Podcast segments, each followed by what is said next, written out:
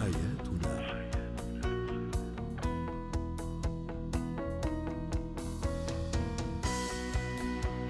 مستمعينا الكرام أهلا بكم إلى برنامج حياتنا برنامجكم اليومي والذي يعنى بشؤون الأسرة وباقي الشؤون الحياتية الأخرى. هو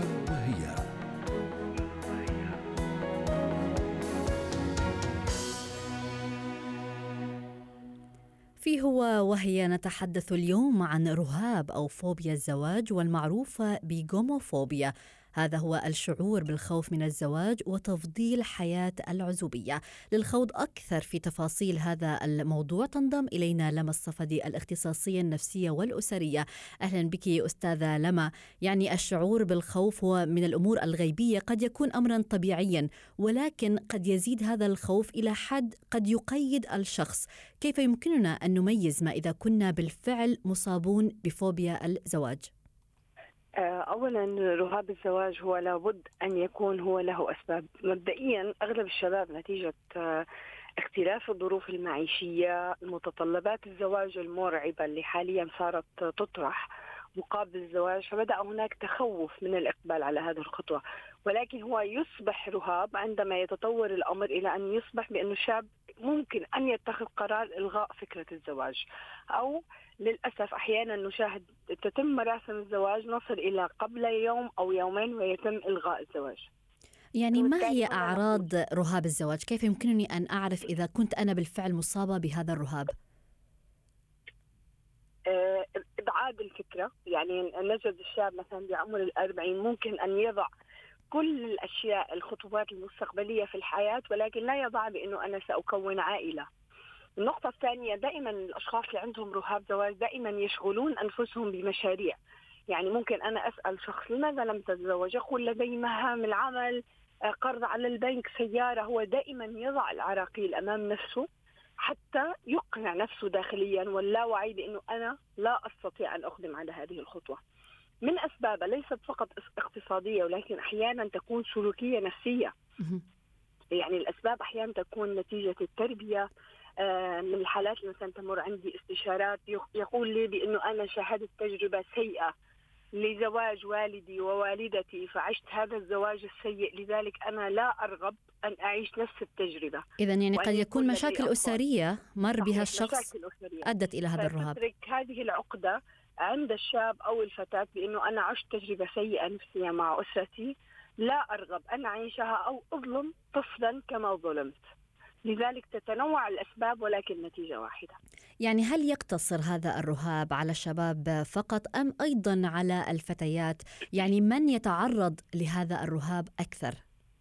الشباب. الفتيات نحن لماذا نقول الشباب؟ لأنه الشاب ما زال في المجتمعات العربية لديه القدرة لاتخاذ القرارات بانه أنا أرغب أو لا أرغب ولكن الفتيات يعني من ضمن الحالات التي أيضا أشاهدها بأن تقول لي أنا لست مقتنعة بالزواج ولدي رهاب كبير فيه ولكن ظروفي لا تسمح لي باتخاذ القرار. أو أنني ربما رغبت بأن أخرج من عائلتي نتيجة الظروف التي أعيش فيها، فبالتالي يمتلك الشاب فرصة أكبر لاتخاذ القرار. أو قد تكون هذه الفتاة امرأة عاملة مثلا آه، تعتمد على نفسها ولا تريد مثلا شخص آه، يتحكم بقراراتها بالفعل فيحصل لها هذا الرهاب؟ أكيد طبعا من ضمن العوامل حاليا العزوف عن الزواج وصولا إلى الرهاب بانه لم يعد لبعض السيدات لم يعد الزواج هو استقرار مادي، هي مستقرة ماديا اجتماعيا مستقرة حياتيا نتيجة التجارب السيئة. أحيانا يكون زواج فاشل في البداية يخلق رهاب من الزواج الثاني. أيضا من الحالات التي يعني أنا أشاهدها يوميا تقول بإني تزوجت مثلا أنا بعمر ال 15 زواج كان فاشل. الآن بعد 15 سنة من هذا الزواج لدي رهاب لا أستطيع أن أعيد التجربة. إذا يعني في هذه الحالة كيف يمكننا بالفعل أن نتجاوز هذا الرهاب؟ هل هناك خطوات معينة علينا اتباعها؟ لنصل إلى بر الأمان واتخاذ القرار؟ أولا اكتشاف السبب. دائما عندما يأتي شخص أو سيدة أنا لدي رهاب نبحث أولا ما السبب؟ إذا كان نفسي سلوكي يتم تعديله. إذا كان اقتصادي يتم البحث عن حلول.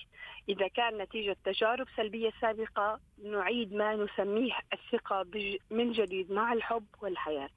فإذا لابد أولا نحن نكتشف الأسباب نبدأ بالبحث عن حلول لهذه الأسباب فأحيانا يعني ممكن أن يكون السبب كما شرحت لك هي بأنه أنا أفقد الثقة مع الحياة، أفقد الثقة بمفهوم الزواج أو أفقد الثقة بالأشخاص الآخرين، يعني ممكن سيدات يقولوا بأنه أنا لم أعد أثق في الرجال والعكس صحيح.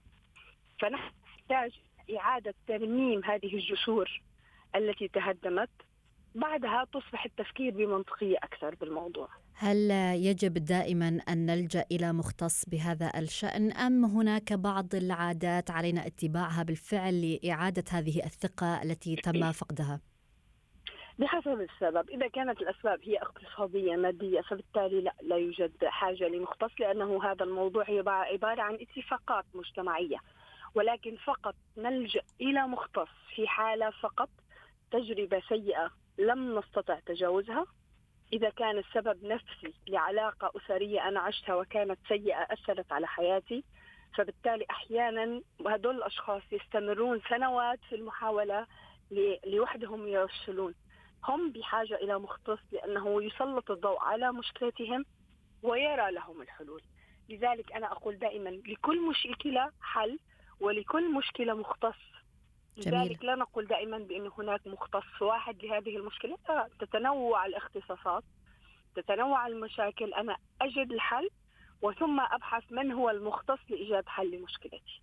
شكرا لك أستاذة لما الصفدي الاختصاصية النفسية والأسرية على كل هذه التفاصيل. حياتي